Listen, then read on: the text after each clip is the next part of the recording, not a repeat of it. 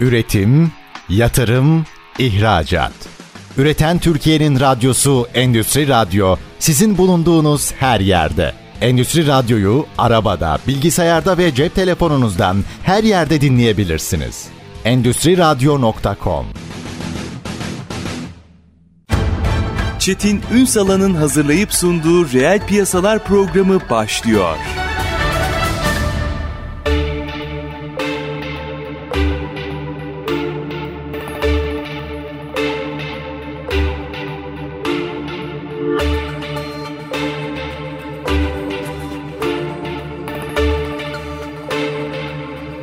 Piyasalardan merhabalar. Türkiye'nin gerçek gündeminde birlikteyiz efendim. Bugün gündemimizde kobiler var. Her açıdan konuşacağız. Birçok boyutuyla konuşacağız. Bir tarafta çalışan sirkülasyonu, öbür tarafta aslında strateji demek tek başına yetmiyor. Doğru stratejiler, zor bir süreç, zorlukların da fırsatların da bir arada yaşandığı bir süreç. Bütün bunları yönetmek gerekiyor ama hepsinin temelinde aslında sürdürülebilir büyüme kavramı var. Kıymetli bir konuğum var. Hepsini sizler için değerlendireceğiz. Benova Genel Müdürü Erdinç Mert. Bugün reel piyasaların konu. Sayın Mert yayınımıza hoş geldiniz efendim. Sağ olun.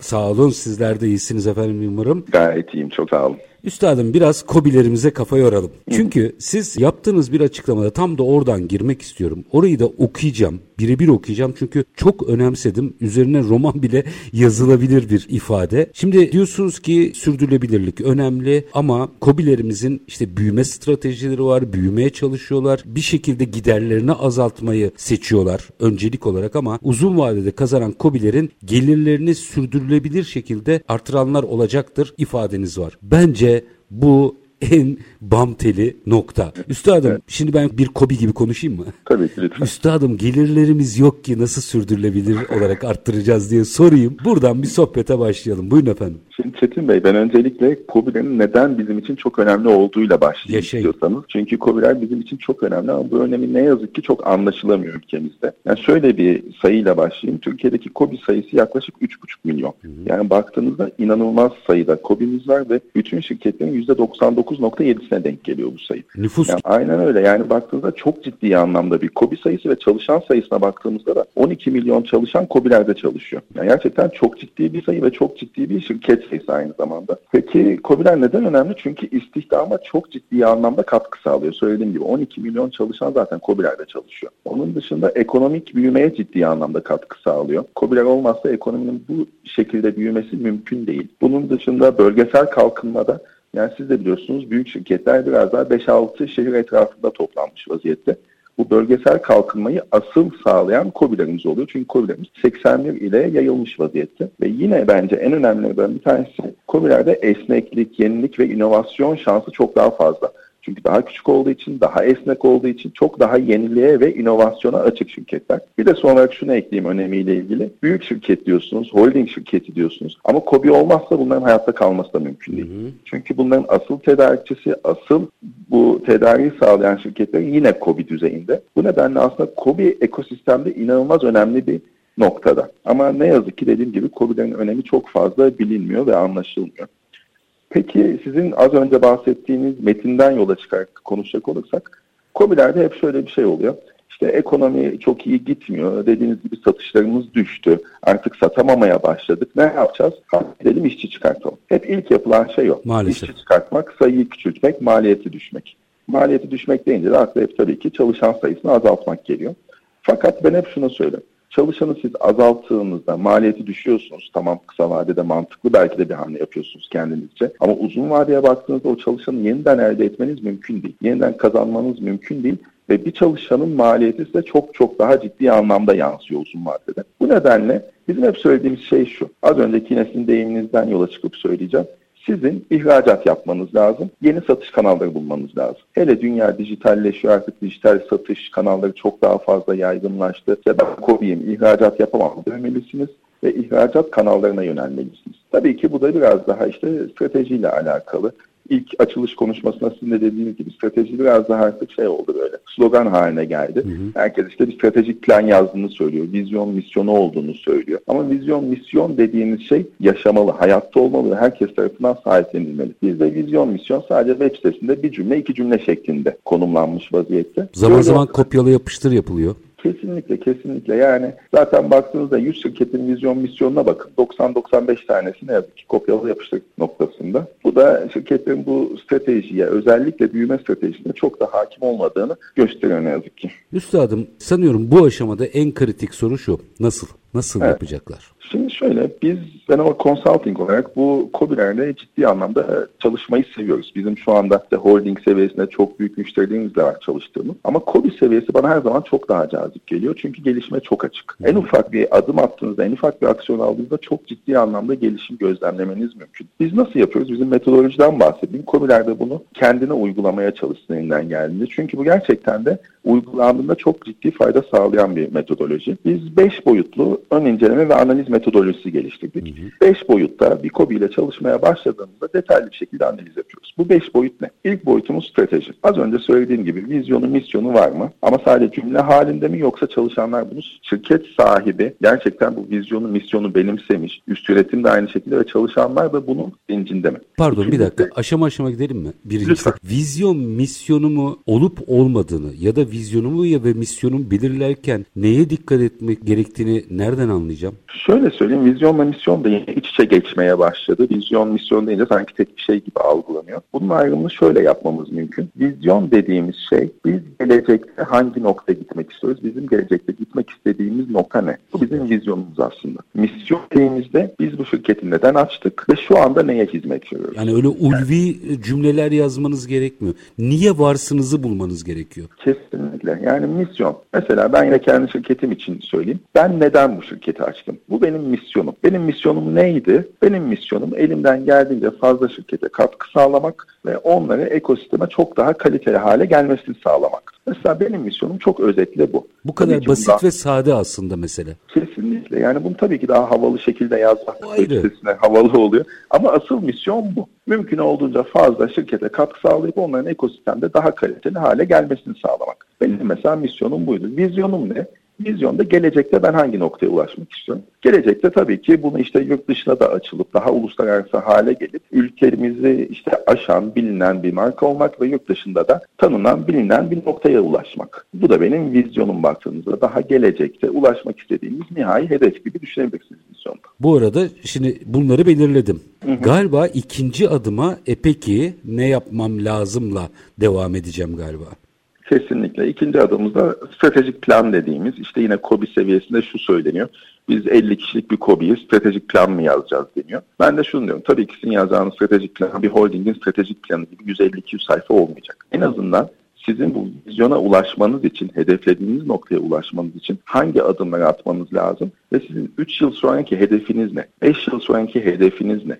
Kısa vadede yıl sonundaki hedefiniz ne? Bunu tanımlamanız lazım ve sadece bunu tanımlamak da yetmiyor. Bunu tanımlayıp ben bu noktaya ulaşmak için hangi aksiyonları almalıyım, hangi adımları atmalıyım? Onu da aslında adım adım tanımlamak ve takip etmek de çok önemli. Yaşayın. Yani Bizim, navigasyonu açtık, yarım saat gösteriyor. Nereye gideceğimizi evet. biliyor. O yolu bil oluşturmalı. Yani bizde şöyle bir şey var. Yüzde yüz hedeflerin tutturulması e, ideali o tabii. Öyle olsa ne güzel olur ama tutturulması ve sonra eğer tutmazsa da başarısızlıkla bundan vazgeçilmesi. Yola çıkmaktan bahsediyorsunuz aslında. Aslında Çetin Bey, benim bütün eğitimlerde söylediğim şeyi siz şu anda söylediniz. Ben bütün eğitimlerde şunu söylüyorum stratejiye yönelik. Bu bir yolculuk. Siz yola çıktığınızda ne yapıyorsunuz? Navigasyon mevcut konumunuzu tespit edin. Siz gitmek istediğiniz noktayı seçiyorsunuz. Daha sonra optimal yolu size navigasyon çiziyor. Aslında bizim yapmamız gereken öncelikle mevcut konumu düzgün bir şekilde analiz etmek. Ben neyim? Hangi konudayım? Hı hı. Gitmek istediğim nokta ne? Ondan sonra o sizin söylediğiniz optimal yolu çizmek. O optimal yolu çizemezseniz zaten o noktaya gitme şansınız yok. Navigasyonsuz düşünün. Bir noktaya gitmeye çalışıyorsunuz. O noktanın neresi olduğunu da bilmiyorsunuz. Yola çıkıyorsunuz. O noktaya ulaşma ihtimaliniz zaten yok. Bir de şöyle bir ekleme de yapayım. Bir anekdot olsun.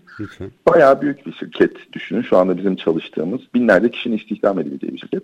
Onun yöneticisi bize şöyle bir şey söyledi stratejiyle ilgili. Biz geçtiğimiz sene hedef koyduk kendimize. Bütün hedeflerde sağlandı. Sizin dediğiniz gibi yüzde yüze yakın bir hedef başarısına ulaştık. Ama biz istediğimiz noktada değiliz. Neyi yanlış yaptık? Yani hedef koyuyorsunuz. O hedeflere ulaşmak da bazen yeterli olmuyor. Çünkü o hedefi yanlış koymuş oluyorsunuz bazen de. İnsanlar şu noktaya geldi. Sizin dediğiniz gibi KPI dediğimiz işte benim başarı endeksim şundan şunu yapmak, bundan bunu yapmak. Kendine çok da iddialı olmayan hedef koyuyor ki 100 puanı alsın. Çünkü 100 puan alamazsa biliyor ki bir cezası olacak bunun ya da ödülü olmayacak. O nedenle 100 puan alacak hedef koymaya çalışıyor kendisine. Öyle olunca da herkes bunu koyduğunda herkes 100 puan alıyor. Ama şirketin katkısı olmuyor. Bu nedenle biz bu şirkette şöyle bir çalışma yapmaya başladık. Daha iddialı hedef ve bizim gerçekten ulaşmak istediğimiz noktaya yönelik hedef koymalıyız. Bunu koymazsak %100 başarılı olmanın hiçbir anlamı yok. Devam edelim yolculuğa. Minik bir araya çık gideceğim. Bir, vizyon ve misyonumuzu belirledik. İki, yol haritamızı ve hedeflerimizi belirledik. Sonra ne yapacağız? Bunun yanıtına bir araya gideceğim, geleceğim. O yolculuğu sizinle birlikte yürümeye devam edeceğiz Kobiler için. Efendim kısa bir ara. Aranın ardından ben o Konsantrlik e, Genel Müdürü Erdinç Mert'le COBİ'leri konuşuyoruz. Aslında sizi konuşuyoruz. Kısa bir ara lütfen bizden ayrılmayın.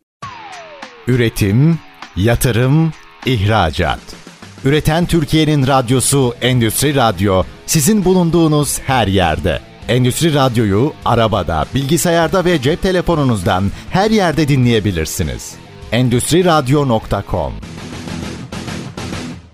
Kısa bir aranın ardından reel piyasalarda tekrar sizlerle birlikteyiz efendim. Kobileri konuşuyoruz. Kobilerin sürdürülebilir büyüme için aslında gelirlerini sürdürülebilir arttırmasının yollarını mercek altına alıyoruz. Benova Konsantrik Genel Müdürü Erdinç Mert bizlerle birlikte. Şimdi Sayın Mert 5 haneli veya 5 basamaklı bir yola çıktık, yolculuğa çıktık. Bir vizyon misyonu belirledik. İki yol haritamızı belirledik, hedeflerimizi belirledik ve yola çıktık. Sonra Üçüncü adıma geldik. Üçüncü adım bu hedeflere ulaşabilmek için bizim bir insan kaynağımız olması lazım. Üçüncü adımda aslında biraz da insan kaynağına odaklı. Bizim insan kaynağımız bizim bu hedefe ulaşmak için, bizim bu aksiyonlarımızı gerçekleştirebilmek için yeterli mi? Bize uygun mu? Birkaç alt boyuttan bahsetmek istiyorum. İlki bizim baktığımız bu alanda organizasyon şeması. Çoğu firma biliyorsunuz bir organizasyon şeması yapıyor. Ama bu şema uygun mu, optimal mi, şirkete özgü mü? Bunun üstüne çok düşünülmüyor. Yine vizyon misyonda söylediğimiz gibi sadece web sitesine konmak için ya da işte çalışanlarla paylaşmak için bir şema yapılıyor. Ama bu şema aslında çok önemli ve bu şema optimal olmadığında en iyi yansıtmadığında ciddi sıkıntı çıkabiliyor. Ne gibi sıkıntı çıkabiliyor? Bunun ikinci adımında iş tanımları kısmında. Bir dakika Siz, en iyi yansıtmayı biraz açar mısınız iş tanımına gelmeden önce? Şöyle anlatayım aslında iş tanımıyla o nedenle bağlayacaktım. Hı. Şimdi organizasyon şemasında iç içe geçmeye başlayan bölümler oldukça ve iş tanımı da çok net değilse bunda artık şey sıkıntısı çıkmaya başlıyor. Bu benim işim miydi, senin işin miydi, kaos. kimin işiydi ve kaos. Aynen dediğiniz gibi sonu kaosla sonuçlanıyor. Bu nedenle organizasyon şeması ve iş tanımları o kadar optimal ve düzgün bir şekilde yapılmalı ki her şey çok net olmalı ve aslında belli olmayan nokta kalmamalı. Herkesin iş tanımı belli olmalı ve organizasyon şemasındaki o bölümün iş tanımı ne ve bunu da daha sonrasında işte performans yönetim sistemine bağladığımızda o bölümün bu iş tanımıyla beklentisine, hedefine bizim bu bölümden beklentimiz ne olmalı? Göze alıp ondan sonra da o bölüme bir hedef koymalıyız. Aslında bu hedef de yavaş yavaş performans yönetim sistemini tetiklemiş oluyor. Bölüm bazında daha sonra istiyorsanız o bölümden kişiye düşüp kişi bazında hedef koyuyorsunuz. Kişi bazında ödül mekanizmasını tetikliyorsunuz ve aslında baktığınızda bölümden kişiye inen bir performans yönetim sistemini kurgulamış oluyorsunuz. Pardon Ama yine tabii... araya gireceğim. Çünkü çok kritik bir yer. Performans dediğimiz şey bence. Hı hı. Şimdi bunu bence olmaktan çıkarmanın yolu ne? Biraz ondan da bahsedeyim. Çünkü hani ben müdürüm, işverenim neyse ya bence diye bir şey var kafamda ama o bencenin sonu yok. Onu nasıl tanımlı hale getirecekler? Ya bu hiç kolay bir şey değil Çetin Bey bahsettiğiniz şey. Ona yönelik aslında bizim söylediğimiz şey şu. Bu hedefi ve performansı sayısal hale getirmelisiniz. Hmm. Ki subjektif subjektiflikten çıksın, daha objektif bir hale gelsin. Bu da yani şu anlama geliyor tabii ki. İnsanlar artık yöneticim böyle istedi, yöneticim böyle uygun buldu ki ben bu puanı aldım dememeli. Bir hedef karnesi olmalı, hepsi sayısal hale gelmeli ve sene sonunda ya da ay sonunda ne zaman bakılıyorsa her şeyin sonundan bir puan aldığında bunu artık itiraz etme noktası da kalmamalı. Çünkü demeli ki ya benim 5 puanlık bir seskim vardı ve ben bunu yapamadım, iyi yapamadım onun için 2 puan aldım. Tamam bu mantıklı, uygun bir şey diyemem demesi lazım. Ama öteki yanda en kötü örnekte şu. Yönetici sizi yanına çağırıyor. Diyor ki Ben senden çok memnun değilim. Onun için puanın 65. Yani bunun bir açıklaması yok, bir objektifliği yok. Çok subjektif kalabiliyor. Onun için mümkün olduğunca sayısallaştır. Mümkün olduğunca objektif yapmak lazım. Yaşayın. Devam edin lütfen. Araya giriyorum böyle arada ama Tabii ki, açmak lütfen, gerekiyor. Lütfen, lütfen. Bunu ödül mekanizmasına da bağladığımızda zaten bu performans yönetimi düzgün bir şekilde çalışan bir hale gelebiliyor. Şimdi bu insan kaynağı kısmında üçüncü boyutta aslında iki tane önemli noktamız var bizim özellikle değinmek istediğim. Bir tanesi çalışanı çekebilmek, ikincisi de çalışanı tutabilmek. Yani şu anda yetenekli çalışanı çekebilmek çok zorlaştı. Hiç kolay değil.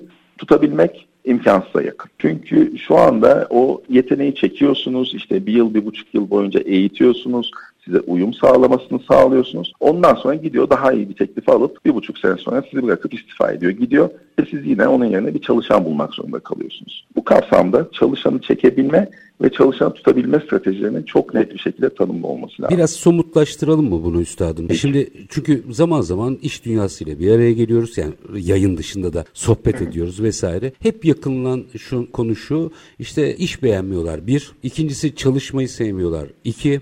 üç ücret nedeniyle kaçtı üç. Bu kadar basit olamaz mesela. Sanki bu kadar basit olamaz. Haklılık payları olabilir ama sanki bu kadar basit değil. Ben o zaman biraz açayım siz analiz edin. İşi beğenmiyorlar mı yoksa siz dün yapıldığı gibi mi işi yapmaya devam ediyorsunuz? Bambaşka bir dijital çağdayız. Yeni bir kuşak var. Acaba sadece mesele para mı? Yani parayı daha çok verdiğinizde tutabilecek misiniz? Bu sorgulamayı da yapmıyorlar.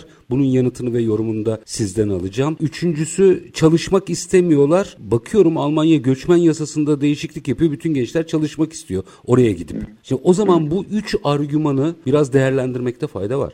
Tabii. Maddiyattan başlayayım. En kolay cevaplayacağım soru çünkü. Maddiyatla tabii ki bağlantılı ama %100 bağlantılı olmadığı konusunda hemfikiriz muhtemelen. Şöyle, maddiyat tabii ki önemli bir nokta günümüzde ama çalışanlar maddiyattan ziyade maneviyatı şu anda çok daha önemsiyor. Maneviyattan kastım ne? Şu, çalışan kendisini kıymetli hissetmek istiyor. Diyor ki ben bir iş yerine gidiyorsam günümün 8 saati 9 saati o ofiste geçiyorsa ben kıymetli hissetmeliyim, mutlu olmalıyım. Bunun da temel aslında çıkış noktası iletişim. Sizin iletişiminiz iyiyse, çalışanla iyi bir iletişim sağladıysanız ve çalışana aslında kendini kıymetli hissettirebiliyorsanız çalışan çok daha motive olabiliyor. Onun dışında çalışan yolunun tanımlı olmasını da istiyor. Özellikle genç nesil. Bizim nesilde bu çok yoktu. Hı. Ama genç nesil diyor ki ben bir işe başladıysam 3 sene 5 sene sonra ne olabileceğimi bilmeliyim. Onun için siz çalışana o yolu tanımlamalısınız ve çalışan da bu yolu bilmeli. Ben yolculuğa çıktığımda hangi noktaya ne zaman geleceğim bunu net bir şekilde bilebilmeli. Ve yine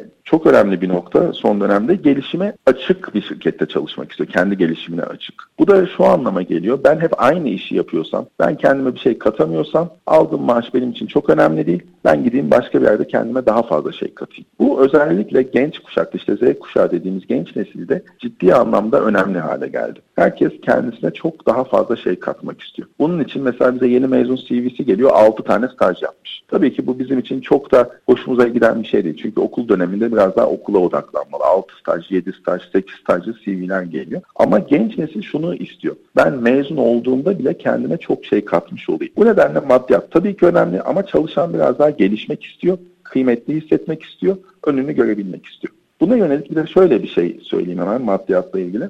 Şimdi biz bu ön inceleme analiz çalışmasında mutlaka çalışanların birçoğuyla mülakat yapıyoruz. Mülakat dediğim konuşuyoruz, sohbet ediyoruz. Ve çalışanların bizim sorduğumuz bir soru da şu. Sana şu anda %10 daha fazla maaş teklifi gelse sen istifa edip gider misin? Buna genelde %30, %40'ı evet istifa edip gidebilirim diyor. %10, %15 daha fazla maaş teklifi geldiğinde. Ama asıl önemli olan soru şu. Aynı maaşta bir teklif gelse sen istifa edip gider misin? Acı olan kısım şu, bazı çalışanlar aynı maaşa bile gitmeyi göze almış vaziyette. Hatta hatta daha düşüşe bile. O kadar başka bir sorun var demek ki. ki. Kesinlikle. O kadar sıkılmış ki artık mevcut işinden, mevcut konumundan. Ya ben gideyim de maaş falan çok da önemli değil diyen bir çalışan popülasyon da var ki bu popülasyon çok azımsanacak sayıda da değil. Benim tahminim %15'ten fazla ki bu da çok acı. Yani 10 çalışanından 2 tanesi aslında çok mutsuz çalışan. Bu da işte günümüzde moda oldu biliyorsunuz. Sessiz istifa denilen noktaya kadar Doğru. gidebiliyor.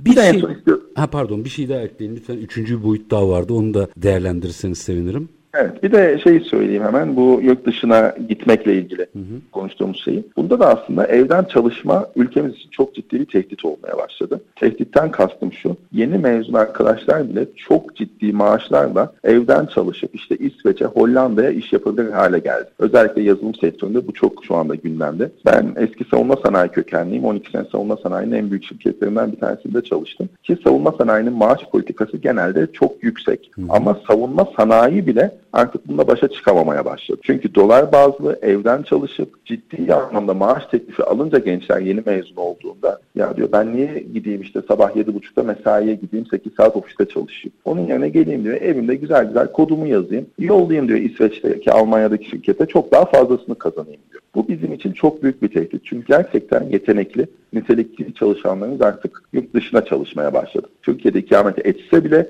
yurt dışına çalışıyor ki taşınan genç nesilde çok fazla. Amiyane tabirle hötsöt dönemi bitti. Kesinlikle.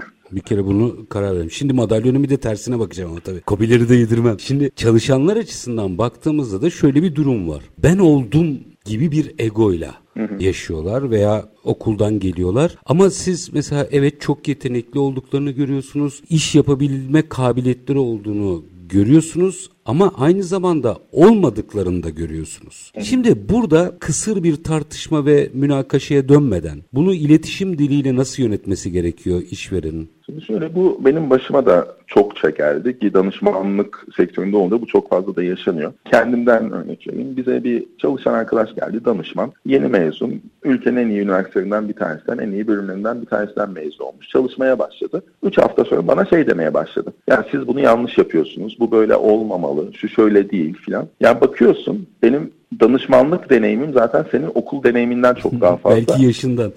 yaşından bile fazla belki de dediğiniz gibi. Ve gelmiş bana şey diyebiliyor. Ya bu aslında yanlış bir bakış açısı. Bunu böyle değil şöyle yapalım diyebiliyor. Ama bu beni çok mutlu ediyor. Neden? Çünkü onun düşüncesi, onun bakış açısını bana böyle açık bir şekilde yansıtabilmesi benim için ve şirketim için çok büyük bir aslında katkı. Tersine benim mentor. Ona, kesinlikle. Benim ona kızıp ya sen benden iyi mi bileceksin, git istediğini yap demem çok kolay, en kolayı. Ama ben onun yerine onun neden hatalı olduğunu kendimce anlatmaya çalışıyorum. Ve gerçekten ikna edebildiğimizi düşünüyorum bu noktada. Bu nedenle bir kişi olduğunda, olduğunu hissettiğinde ve gerçekten buna inanıyor da olabilir. Bizim üstümüze düşen onun aslında hatalı söylüyorsa, yanlış söylüyorsa yanlış olduğuna ikna edebilmek. O ikna etmek de bende zaten yöneticiliğin en önemli hususlarından bir tanesi siz kendi çalışanınızı bile ikna edemiyorsanız işiniz çok da kolay değil açıkçası. Şöyle iki dakika sonra araya gideceğim. Dördüncü ve beşinci maddeleri de alacağım ama şimdi bu en kritik noktalardan biri. Bir, bir iki dakikada bunun yorumunu da alayım. Şu çok mu zordur mesela yanlış biliyorsun. Böyle hani şeyler vardır ya bir komisyon kurarsınız. Tamam hadi bunun da sorumluluğu sen de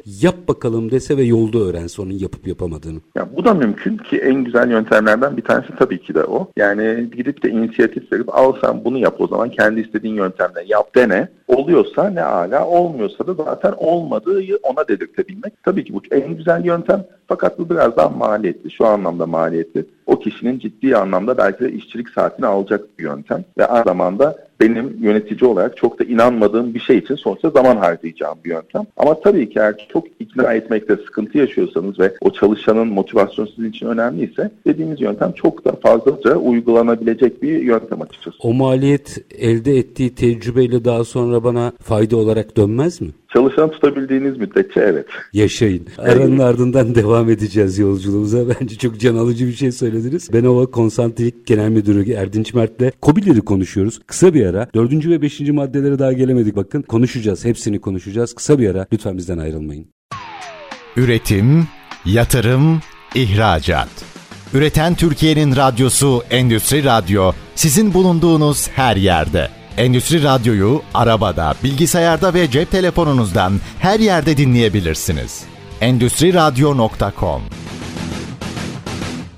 Reel piyasalarda sizlerle birlikteyiz. Konumuz kobiler. Kobilerin aslında sürdürülebilir gelirlerinin nasıl arttırılacağının aslında sürdürülebilir büyümenin sağlıklı tanımında bu olduğundan yola çıkarak bir yolculuğa çıktık. Bugün konuğumuz Benova Konsey Genel Müdürü Erdinç Mert. Şimdi Sayın Mert, üçü de neredeyse üzerine roman yazılacak bir yol haritasıydı. Bununla ilgili özellikle üçüncü madde çalışanlarla ilgili bence hani vurdunuz ve gol oldu. Elinizde tutabilirseniz diyerek tamamladınız. Oraya ekleyeceğiniz bir şey varsa lütfen ekleyin ama ondan sonra yolculuğumuza devam edelim. Diğer adımlar neler? Tabii ki. Şöyle çalışan tutmak tabii ki en önemli hususlardan bir tanesi. Önce de bahsettiğim gibi çalışanla iletişimi iyi tuttuğunuzda, çalışanı motive ettiğinizde ve kendisini kıymetli hissettiğinizde ciddi tutma ihtimaliniz yükseliyor. Ama ne olursa olsun günümüzde %100 tutabileceğiniz anlamına gelmiyor bu. Çünkü bir şirket gidip size 2-3 kat daha fazla maaş verdiğinde o çalışanı çok kolay bir şekilde çekebiliyor. Tabii ki yine maddiyatta önemli bir etken olabiliyor en sonunda. Ama yani elinizden geldiğince ben hep şunu söylüyorum. Daha sonra pişman olmamak adına yetenekli, kalifiye çalışanlarınızı tutmak için elinizden gelen her şeyi yapın. Devam edelim yolculuğumuza. Dördüncü adıma geçelim. Hı hı. Şimdi insan kaynağını da konuştuk. Bundan sonra aslında şirketin kendisini nasıl tanıttığı satış ve pazarlama fonksiyonu. Çünkü ilk konuyu sizin açma şekliniz de oydu. Daha fazla satış yapmalıyız. Daha fazla kendi algımızı yükseltmeliyiz. Pardon bir dakika orada yanlış bir ifade kullanmış olayım. Daha fazla satış değil daha fazla gelirden bahsediyorum. Çünkü bizde evet. COBİ'lerde böyle bir problem de var. Adet yakalıyoruz ama birim gelirler düşüyor. Kesinlikle çok güzel bir noktaya değindiniz. Ben yanlış söyledim. Daha fazla satış değil daha fazla gelir. Çünkü adetle fiyatın çarpımından oluşuyor bildiğiniz gibi gelir. O fiyat politikasını da mümkün olduğunca iyi yönetmelisiniz. O fiyat politikası da aslında şimdi bahsedeceğim satış pazarlamadaki marka algısına çok bağlı. Bizde marka algısı ne yazık ki genelde çok düşük olduğu için istediğimiz fiyattan fiyatlama şansımız çok olamıyor genelde. Bu satış pazarlama başlığında ben ilk başta ihracatla başlıyorum. Çünkü ihracat gerçekten çok önemli. Günümüzde daha da önemli hale gelmeye başladı. İhracata yönelik ilk önce yaptığımız şey şu. Mevcutta bu firma ihracat yapabiliyor mu? Yapabiliyorsa istenilen seviyede mi? Ve bunu yapabilecek bir ekibe sahip mi? Hı hı.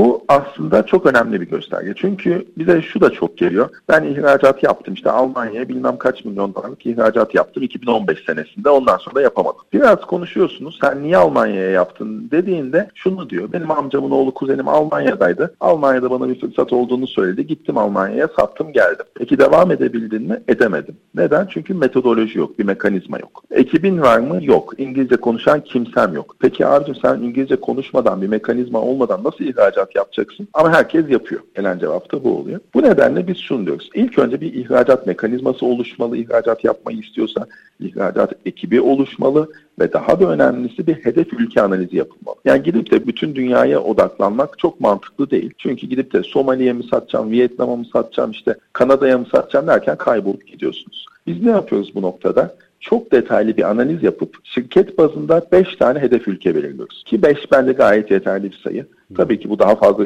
ülkeye satış yapılamayacağı anlamına gelmiyor. İstiyorsanız 50 ülkeye satış yapın ama siz bu 5 ülkeye odaklanın. Ve bu 5 ülkede diyelim Almanya çıktı, Vietnam çıktı. Almanya'ya gideceğiniz yöntemle Vietnam'a gideceğiniz yöntem kesinlikle aynı olamaz. Almanya için başka bir strateji oluşturmalısınız. Vietnam için bambaşka bir strateji oluşturmalısınız. Daha sonrasında da bu ülkelerde ben kime ulaşmalıyım, nasıl ulaşmalıyım ve ona kendimi nasıl anlatmalıyım. Ve belki de bazen ona yönelik nasıl bir değişik yapmalıyım hizmetim.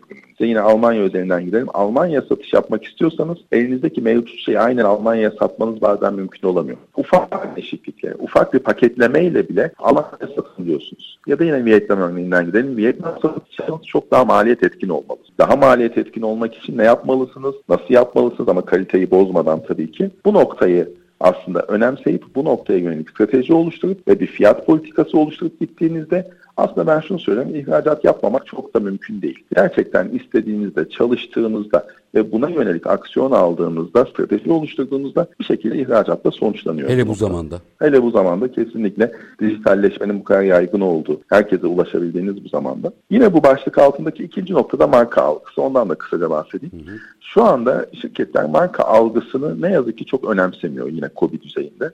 Ya işte diyor ki ben B2B yani şirketten şirkete satış yapıyorum. Benim için müşteri çok önemli değil. Benim işte marka algımın çok iyi olmasına çok da ihtiyacım yok gibi bakış açısı ne yazık ki hala çokça karşılaştığımız bir bakış açısı. Bizi bilen da, biliyor. Bizi bilen biliyor aynen öyle. Ben zaten atıyorum işte Ankara'da kendi eşime dostuma satıyorum. Niye işte marka algımı yükselteyim. Bizim de ona söylediğimiz şey çok basit aslında. Sen bu marka algısıyla ona satıyorsan biraz bunu üst seviyeye çıkarttığında 15'e 20'ye satamaman için hiçbir neden yok. Özellikle dünyaya açılmak istiyorsan, global olmak istiyorsan insanların yaptığı ilk şey ne? Sizin web sitenize bakıyor, sosyal medya kanallarınıza bakıyor. Bu şirket kendisini nasıl tanımlamış, nasıl konumlandırmış? O konumlama kısmı, o algıyı nasıl bir noktaya çekebildiğiniz çok önemli. Ki az önce de konuştuğumuz gibi dijitalleştiğimiz bir çağdayız Ve bu dijitalleşmeyi mutlaka kullanmalıyız. Özellikle sosyal medya kanallarını. Bunu da hemen bir üçüncü maddeye bağlı insan kaynağı maddesine. Dedik yani yetenekli çalışan çekemiyoruz. Hı hı. Sizin marka algınız iyiyse, Instagram gibi kanalları iyi kullanabiliyorsanız bu sayede aslında siz o yetenekli çalışanı çekme şansınız da çok daha artıyor. Çünkü çalışan ilk önce sizin sosyal medya kanallarınıza bakıyor, web sitenize bakıyor. Ve bakıyor ki bir sosyal medya kanalında çok etkin değil, biraz daha basit gözüküyor. Ya ben bu şirkette çalışmam bile diyebiliyor. O nedenle bu marka algısı hem satış için hem de aynı zamanda yeteneği çekebilmek için her zaman en önemli etkenlerden bir tanesi. Geldik son maddeye. Son madde işte artık insan kaynağınızı oluşturduğunuz satış pazarlama mekanizmanız da belli. Ben bunu nasıl yapacağım? Operasyon kısmı. Operasyonda da işte bir imalat yapan bir sektördeyseniz o im- imalatın, üretimin yine makine bazında mesela optimize edilmesi. Günde 100 tane mağazadan çıkıyorsa ben bunu 100'den 150'ye çıkartabilir miyim? Çıkartmam için ne yapmam lazım? Üretim hattımı nasıl optimize edeceğim? Gibi bir nokta. Ondan sonra kalite. Ne yazık ki yine benim gözlemim kalite kobilerimizin çok önemsediği bir noktada değil. Yani bir tane kalite kontrolcü alınıyor, göstermelik ama onun dışında ya zaten müşteriden sıkıntı olursa dönüyor bakış açısıyla bizim kobilerimizin çoğu değil. Yaşayın. Dönmemesi gerekiyor. Dönmemesi lazım. Çünkü onun maliyeti çok yüksek. Yani sadece şey maliyetinden de bahsetmiyorum. Lojistik maliyeti de değil. O marka algısı dediğimiz maliyet o kadar yüksek bir maliyet ki. X firmasından biz bir şey aldık ve işte şöyle çıktı dendiği anda siz o ürününüzü, makinenizi, teçhizatınızı ya da hizmetinizi bir daha kolay kolay satamıyorsunuz. O nedenle kalitede gerçekten bence en çok önemsememiz gereken konulardan bir tanesi. Çünkü bir defa yanlış bir şey yolladığınızda, hatalı bir şey yolladığınızda onun dönüşü çok da mümkün olamıyor. O nedenle o kalite süreçleri, kalite yönetim sistemi, kalite kontrol süreçlerinde çok daha güzel tanımlanmak, çok daha net bir şekilde takip edilmesi lazım. Ve tabii ki lojistik yine bu lojistikten önemli konulardan bir tanesi. Lojistiği de ne yazık ki yine bizim ülkemizde çok etkin kullanamıyoruz. Biraz optimizasyonla, işte ben endüstri mühendisliği kökenliyim, onun için benim çok ciddi ilgi alanım bu. Lojistiği bile optimize etmek mümkün. Neyi, nasıl, nereden gönderdiğimi düzgün hesaplayıp optimize ettiğimizde ciddi aslında o maliyet dediğimiz azaltmamız da mümkün. Hı hı. Az önce dediğim gibi maliyet azaltmak deyince akla hep işte işçi çıkartalım, çalışan sayısını eksiltelim geliyor. Ama siz bu lojistikten bile ya da işte satın alma süreci yine en önemli hususlardan bir tanesi. Genelde bizim firmalarımızda işte 3 firmadan satın almaya yönelik teklif alalım deniyor. 3 tane teklif alınıyor. Ama o 3 teklif gerçekten alınması gereken 3 teklif miydi? Ya da işte atıyorum Çin'den alsak ya da başka bir ülkeden bunu ithal etsek ya da ülkemizde gerçekten bunu daha uyguna yapan bir firma yok muydu? Bir 3 sayısı uydurulmuş diyeceğim. 3 tane teklif almalısın. Gidiyor gelişi güzel 3 tane teklif alıyor. En ucuz neyse ondan satın alıyor. Ama 100'e alıyor. Belki de bunu biraz incelese 60'a 70'e satın alma şansın olacak. Ki bizim yine danışmanlık hizmetlerimizde gözlemlediğimiz husus şu. Özellikle satın alma kaleminde %10 ila %15 çok kolay bir şekilde maliyeti azaltabiliyorsunuz. Biraz araştırma, biraz üstüne düşme, işi bilen bir satın almacıyla %10, %15 maliyetin düşmesi inanılmaz bir kalem. Tabii, tabii. Ve buna ne yazık ki bizim kobilerimiz çok yine odaklanmıyor. Yolculuğu 5'te 5 yaptık da şimdi bir 5-6 dakikada ben bir iki bir şey sormak istiyorum. Tabii ki. Bunlardan birincisi madem çalışandan bahsettik alışkanlık haline getirmiş olanlardan ya da kolaycılığa kaçanlardan bahsetmiyorum. Burada başka bir soru işaretini açmak için soruyorum bunu bunu sıkıştığı anda çalışan çıkartmak. Hı hı. Burada insanın kendini sorgulaması gerekmiyor mu? Acaba ben sıkışmadığım zamanda fazla ve gereksiz eleman mı aldım? Bu birinci sorum olsun. Hı hı. Bunun sağlamasını nasıl yapar diye soruyorum aslında. Hı hı. İkincisi yine yaptığınız açıklamalarda dikkatimi çeken, çok önemsediğim ama yanlış anlamaya müsait bir başlık var. Farklı sektörlere açılım başlığı. Üstadım bunu da biraz detaylandırırsanız sevinirim. Bizde birdenbire sektördeki kulvar değişiyor. Yani elektrikçiydi birdenbire gıdacı oluyor falan. Kendi sektörü içerisinde kalarak başka sektörlerle entegre olmayı da biraz tariflerseniz 5 dakikada hiç kesmeyeceğim. Tabii ki sağ olun. Şimdi ilkinden yola çıkayım. İşte fazla eleman mı aldım ki küçülmek zorunda kaldım. Şimdi bizde yine en sık karşılaştığımız yaygın uygulamalardan bir tanesi yine ne yazık ki diyeceğim ama çok engel olamıyoruz işte amcamın oğlu tavsiye etti almak zorunda kaldım. İşte teyzemin kızı benim bu komşuydu iş arıyordu ne yapayım almasa mıydım gibi. Gerçekten bazen istihdam çok lüzumsuz şişirilmeye başlanıyor. 50 kişiyle yapacağınız iş için 60-65 kişi olabiliyorsunuz. Bu da biraz işte tanıdık, işte eş, dost, akrabanın şirkete gelmesinden kaynaklı. Ya almasa mıydım? Hep bize söylenen şey şu. Amcamın oğlu almasa mıydım ne yapsaydım? Ama daha sonra işler kötüye gittiğinde artık maliyetler düşmesi lazım. Çalışan sayısı fazla geliyor. Yine o amca oğlu çıkmıyor. Amca oğlu kalmaya devam ediyor. İşi daha iyi yapan, işi yapacak olan kişiler çıkmaya başlıyor. Çünkü ayıp olur ona. Ay, ay, ayıp olmasın diye. Yani bu da şu anlama geliyor. Siz zaten işi yapacak daha az kişi vardı. O daha da azaldı. Bu kapsamda ne yazık ki o işçi planlaması da çok yapılamıyor. Ben bu işi kaç kişiyle yapmalıyım? Ve işte norm kadro diye bir şey var biliyorsunuz. Benim norm kadrom başına, departman başına kaç kişi olmalı maksimumda. Bunu yapmadığınızda, bunu net bir şekilde uygulamadığınızda ne yazık ki şişkinlik olabiliyor. Ve şişkinlik olduğunda da bir müddet sonra işte baktığınız işler kötü gidiyor. Zaten şişkinde 10 kişi bölüm mü olur deyip 2-3 kişi işten çıkartma çok da soğuk bakılmıyor. Ama bence bir sayı olmalı. Norm kadro net bir şekilde tanımlanmalı. Onu yapabilecek kişi sayısı ve onu yapabilecek kişi sayısı net olduktan sonra da onun üstüne çok ciddi bir şey olmadıkça çıkılmamalı. Çünkü yani az önce de söylediğim şeyi yeniden tekrarlayayım. Siz kalifiye bir çalışanınızı işten çıkarttığınızda o tam düzeldi diyelim. 3 ay sonra istediğiniz noktaya geldi. Bir daha o kalifikasyonda bir çalışanı dahil edemeyeceksiniz. Hocam teşbihte hata olmazmış. Elektrik borcunu ödemek için üretim yaptığınız makineyi satmak gibi bir şey bu. Kesinlikle. Aynen öyle. Yani sonuçta o çalışan sizin veli nimetiniz. Hep müşteri deniyor ya bence çalışan veli nimet. Hı hı. O çalışanı siz mümkün olduğunca motive edip, mutlu edip onu tutmalısınız. Çıkartmaya yönelik bir aksiyon almamalısınız. Çok çok çok zorda kalmadıkça. İkinci kısma da geleyim galiba iki dakikam falan kaldı. Aşağı yukarı. İkincisinde de farklı sektörlerle ilgili de ben size çok net bir örnekle anlatayım. Hı hı. Bizim bir tane şu anda çalıştığımız müşterimiz cihaz kutusu yapıyor. Cihaz kutusundan kastım ne? Plastik ya da metal. Aklınıza gelebilecek bütün elektronik cihazların kutusunu yapma kabiliyetine sahip. Ama içindeki elektroniğini tabii ki almıyor ya da yapmıyor. Onu boş kutu şeklinde yolluyor. Bu firmamız mesela daha çok KOBİ seviyesindeki firmalara tedarikçiydi. Daha böyle işte elektronikçilere tedarik sağlıyordu. Ama biz onlarla şunu konuştuk. Siz neden mesela savunma sanayi sektörüne tedarikçilik yapmıyorsunuz? Çünkü savunma sanayi sektörüne tedarikçilik yaptığınızda sizin bu kutunuz ona satıyorsanız bir anda 17-18'e satmaya başlayacaksınız. Ama kalitenizi de çok ciddi anlamda yükseltmeniz lazım. Siz böyle bir şeye açık mısınız dedik. Onlar da açık olduğunu söyledi. Bu sayede biz öncelikle kalite anlamında bunları çok ciddi bir seviyeye taşıdık. Savunma sanayi tedarikçi olabilecek düzeye çıktı kalitesi ve bu sayede de savunma sanayine ciddi anlamda şu anda tedarik yapan bir firma haline geldi. Yani aynı işi yapıyor, aynı makinelerle yapıyor ama sattığı kanal değişti. Daha böyle kobi seviyesinden bir anda çok daha üst seviyeye, farklı sektöre geçiş yaptı. Yani benim kastettiğim tamamen bu. Yoksa sizin dediğiniz gibi gıdada çalışan bir firmanın hadi gıdada çok çalıştık şimdi inşaata geçelim demek gibi değil. Aynı işi, bildiği işi yapmak ama farklı sektöre tedarikçilik yapmak gibi düşünmemiz mümkün. Yani alanını genişletmekten bahsediyorsunuz. Kesinlikle alanını genişletmek. Yani aynı şeyi daha farklı alana, daha farklı sektörlere satabilmek. Ki bu da çok mümkün aslına baktığınızda. Belki şimdi şey gibi geliyor birçok kobiye. Ya benim zaten müşteri kitlem bu, bunun dışına nasıl çıkacağım gibi geliyor. Ama biraz işte baktığınızda, global uygulamaları incelediğinizde, stratejiyi net koyduğunuzda açılmamak için hiçbir sebep de yok. Çok farklı sektörlere atılmak da her zaman mümkün. Üstadım çok sade, net, yalın ve zihin açıcıydı. Çok teşekkür ediyorum. Çok sağ olun Çetin Bey. Çok memnun oldum. Var olunuz. Son bir cümleniz varsa alayım sonra veda edeyim size. Çok sağ olun Çetin Bey.